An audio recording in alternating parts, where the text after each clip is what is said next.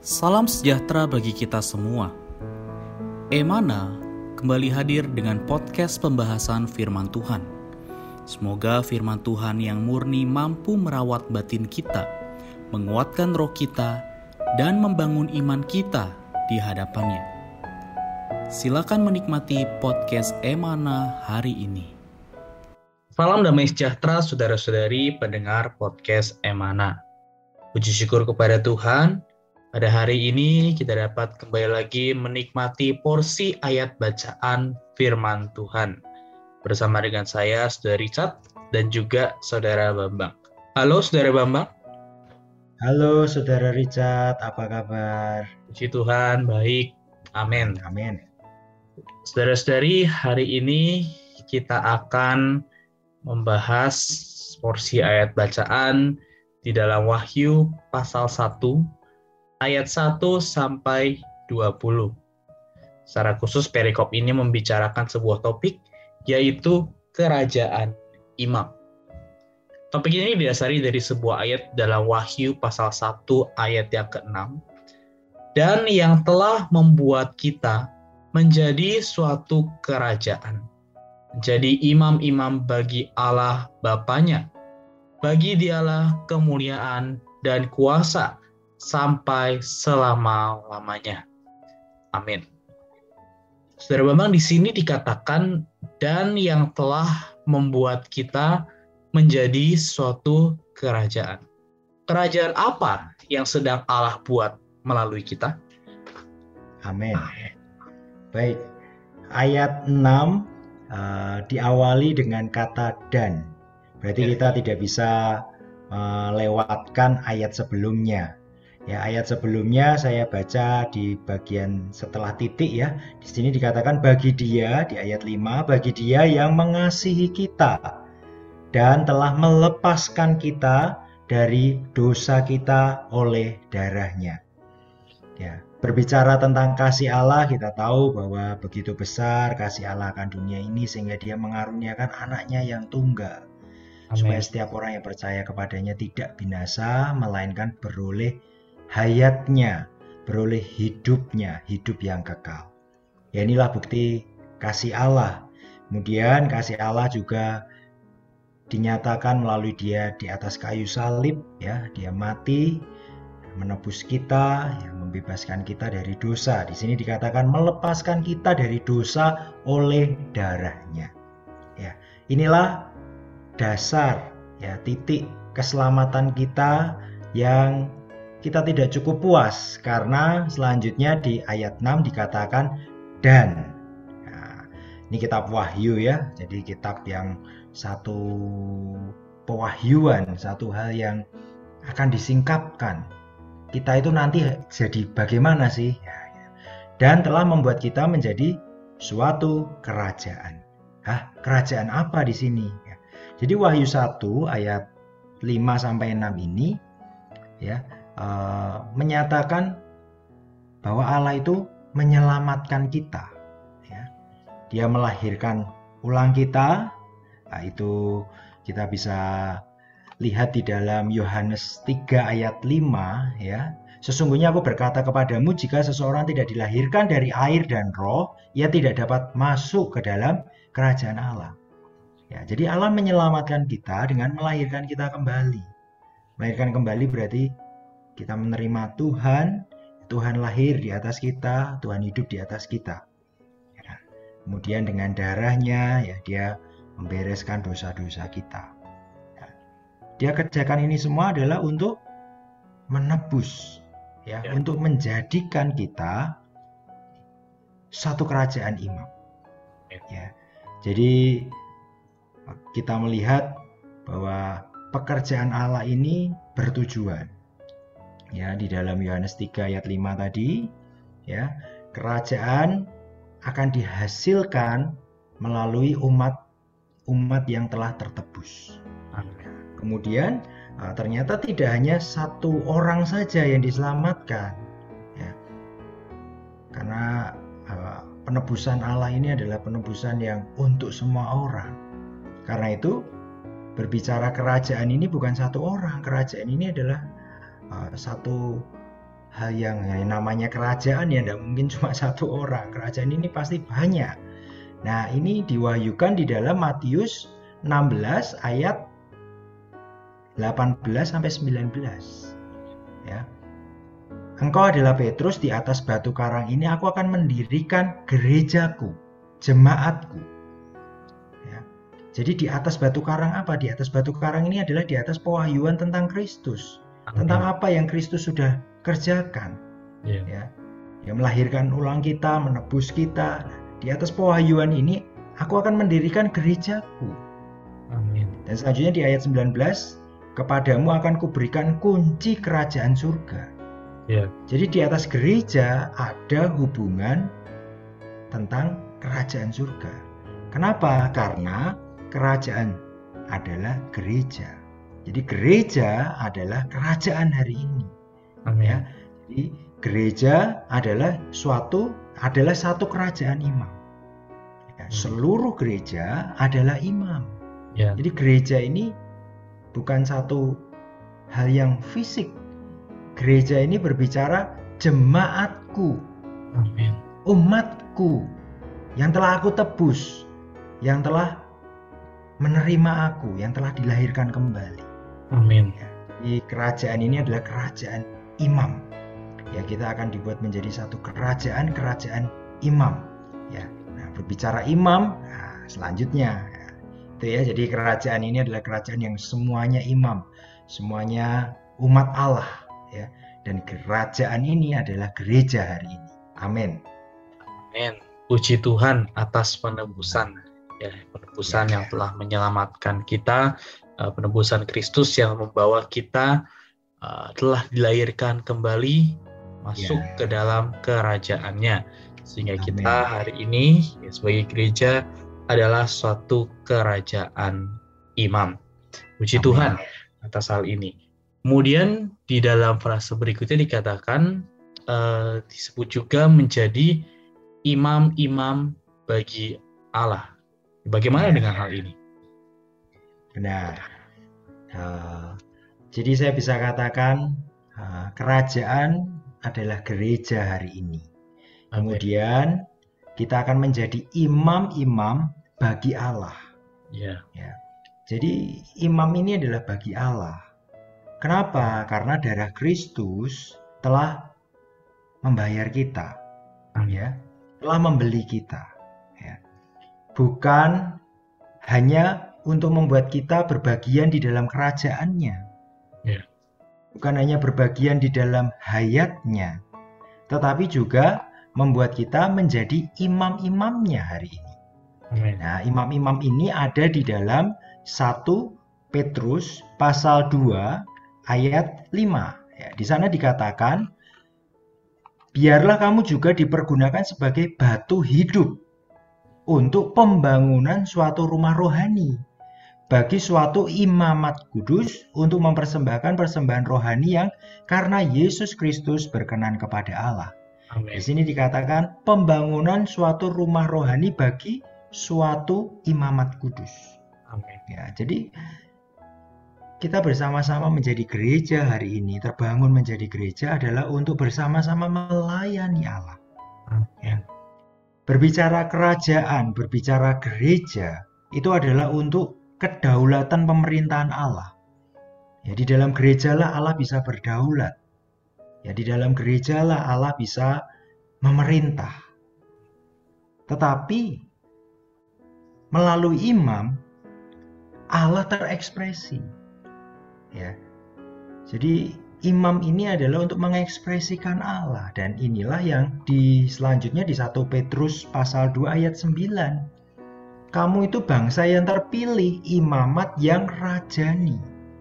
Ya, berbicara rajani ini berarti imam-imam yang mengekspresikan pemerintahan Allah, kedaulatan Allah. Jadi yang mewakili Allah. Ya, jadi kita melihat bahwa imam ini adalah untuk menyatakan bahwa Allah itu memerintah. Nah ini terbuk ter apa ya ternyatakan juga di dalam penciptaan manusia di kitab kejadian ya kejadian pasal 1 ayat 26 kan di sana dikatakan bahwa baiklah kita menciptakan manusia menurut gambar dan rupa kita. Ya, berarti di sini ada ekspresi Allah. Ekspresi untuk apa? Supaya mereka berkuasa. Dan ini adalah untuk menyatakan kuasa pemerintahan Allah. Menjadi wakil pemerintahan Allah. Nah, ini jadi ini sebenarnya juga menggenapkan apa keinginan Allah di dalam menciptakan manusia. Nah, kejadian 1 ayat 26 lanjut sampai ayat 28 ya.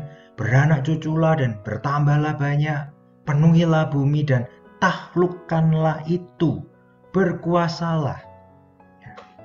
Ya. Seharusnya bumi dipenuhi dengan manusia. Manusia yang mewakili Allah, mengekspresikan Allah. Tetapi kita tahu hari ini bumi belum sepenuhnya dipenuhi oleh manusia-manusia yang mengekspresikan Allah. Karena kita tahu tidak semua orang mau menerima Yesus. Tidak mau menerima kelahiran kembali, tidak percaya Yesus, tidak menerima penebusan darah Kristus. Tidak semua orang bisa menerima itu. Maka Allah tidak bisa belum bisa menyatakan pemerintahannya, kuasanya di atas bumi ini. Ya, karena itu dia menyatakan kuasanya melalui gereja. Tetapi ya tidak berhenti pada gereja karena pasti akan ada kelanjutan. Semakin banyak orang yang percaya Tuhan, ya, semakin banyak imam-imam hari ini yang melayani Tuhan, mempersembahkan diri untuk Tuhan, maka akan meluas. Dan ini nanti akan dinyatakan di dalam kerajaan seribu tahun ketika para pemenang ini ternyata.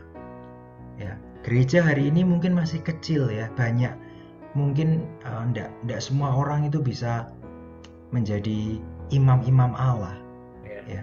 Banyak orang Kristen tapi belum tentu banyak yang melayani. Belum tentu banyak yang melihat hal ini. Tapi nanti dalam prosesnya akan ada kerajaan seribu tahun. Itu di sana akan menyatakan imam-imam Allah itu siapa saja, yaitu para pemenang. Itu ada di dalam Wahyu pasal 20 ayat 6. Dan di sana dikatakan, berbahagialah dan kuduslah orang yang mendapatkan bagian dalam kebangkitan pertama. Itu kematian yang kedua tidak berkuasa lagi atas mereka, tetapi mereka akan menjadi imam-imam Allah dan Kristus kejadian uh, Wahyu 20 ayat 6 ini menyatakan umat-umat Allah yang menjadi para pemenang, imam-imam yang menang dalam kerajaan seribu tahun. Dan selanjutnya akan rampung nanti di dalam Yerusalem baru. Itu di Wahyu 22 ayat 3. Ya, semua akan melayani Allah. Imam-imam hamba-hambanya itu akan beribadah kepada Allah. Amin, Saudara Richard. Demikian. Amin. Puji Tuhan bahwa penebusan yang telah kita terima ini bukan hmm. hanya kita menjadi kerajaan Allah, tetapi kita juga menjadi imam-imamnya. Imam. Sehingga dengan demikian Amin. kita dapat menjadi ekspresi Allah ya. dan jadi imamat yang rajani untuk merampungkan ketetapan kehendak semula Allah dalam menciptakan ya. Manusia. Kemudian berarti apa tugas kita sebagai imam hari ini? Ya, uh, kita melihat perjalanannya masih jauh karena kita tidak tahu ya Tuhan datang kapan ya dia akan datang uh, meminta pertanggungjawaban kepada kita apakah kita menjadi hamba yang setia atau ya. hamba yang jahat kita menjadi gadis yang bijaksana atau gadis yang bodoh karena itu ya kita harus baik-baik merenungkan ayat ini ya. Ini ayat yang baik ya. Kita hari ini adalah kerajaan imam. Kita hari ini adalah imam-imam. Karena itu setiap orang Kristen hanya memiliki satu profesi, yaitu melayani Allah, menjadi imam bagi Allah. Ya. Mungkin ada yang profesinya sebagai dokter, ya. Uh, merawat pasien, menyembuhkan, memberikan obat supaya pasien bisa sembuh ya. Mungkin ada yang berharap menjadi dokter yang hebat, dokter yang uh, sekarang dokter spesialis ya, jadi dokter yang ternama. Ya. Tetapi kalau tujuannya hanya itu, maka sangat sia-sia. Karena ini hanya mempertahankan kehidupan yang jasmani saja. Ya, penghidupan yang tidak kekal.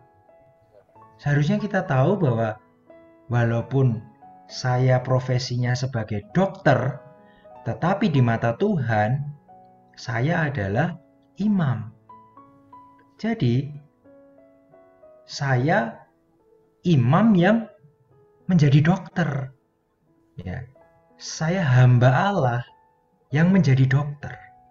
Ya. ya. Kita prioritaskan dalam pelayanan kita, dalam menjadi dokter, tugas tanggung jawab kita, kita mengerjakan seperti untuk Tuhan. Kita kerjakan itu semua di hadapan Tuhan, karena kita adalah imam-imam Tuhan. Ya juga yang menjadi guru, yang menjadi dosen, ya prinsipnya sama ketika kita mengajar ya kan kita kerjakan itu di hadapan Tuhan. Karena kita adalah imam yang menjadi guru imam yang menjadi dosen apa pun profesi kita. Semoga ya pekerjaan yang kita lakukan pekerjaan yang memandang bahwa nanti aku tetap melayani Tuhan. Ya walaupun aku hari ini profesiku guru profesiku dokter tapi di dalam Wahyu 22 ayat 3 dikatakan kita semua adalah hamba-hambanya. Itu di Wahyu 22 ayat 3 ya dikatakan ketika sudah tidak ada lagi yang terkutuk, tidak ada lagi kejahatan, tidak ada lagi dosa, yang ada hanya tahta Allah dan tahta anak domba. Jadi benar-benar Allah yang mengatur, benar-benar hanya ada satu kekuasaan yaitu hanya Allah sendiri yang berkuasa di sini dikatakan dan hamba-hambanya akan beribadah kepadanya. Jadi menjadi imam itu adalah profesi kekal kita. Ya, melayani Tuhan itu tidak ada akhirnya. Karena di kitab Wahyu ya, kekekalan yang akan datang di sini dikatakan hamba-hambanya akan beribadah kepadanya. Begitu Saudara Richard, jadi hanya satu profesi yaitu melayani Allah. Amin. Amin. Puji Tuhan, hari ini kita hanya memiliki satu profesi, yaitu menjadi ya. imam, jadi orang yang melayani Allah. Dalam setiap Amin. kehidupan kita, apa pun profesi kita, kita adalah imam Allah. Yang mana profesi Amin. utama kita adalah untuk melayani Allah. Semoga ini Amin. menjadi latihan dan pengalaman kita uh, setiap hari. Baik, Amin. sebagai penutup dan kesimpulan, Saudara Bambang dapat memimpin kita di dalam doa. Amin. Mari kita bersatu di dalam doa. Tuhan Yesus, kami mengucap syukur ada kitab Wahyu yang menyingkapkan masa depan kami.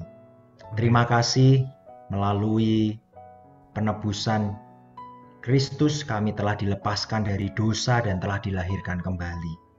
Tuhan, kehidupan kami tidak berhenti saja di poin ini saja, ya. tapi kami juga dibawa maju menjadi satu kerajaan iman. Kami menjadi imam-imam bagimu. Tuhan, kami serahkan hidup kami. Apa pun profesi kami, apa pun pekerjaan kami, mulai hari ini Tuhan, kami perlu melihat bahwa hanya ada satu profesi yang kami kerjakan, yaitu melayani Allah apa pun yang kami kerjakan hari ini kami perlu melihat bahwa nasib kami adalah menjadi imammu.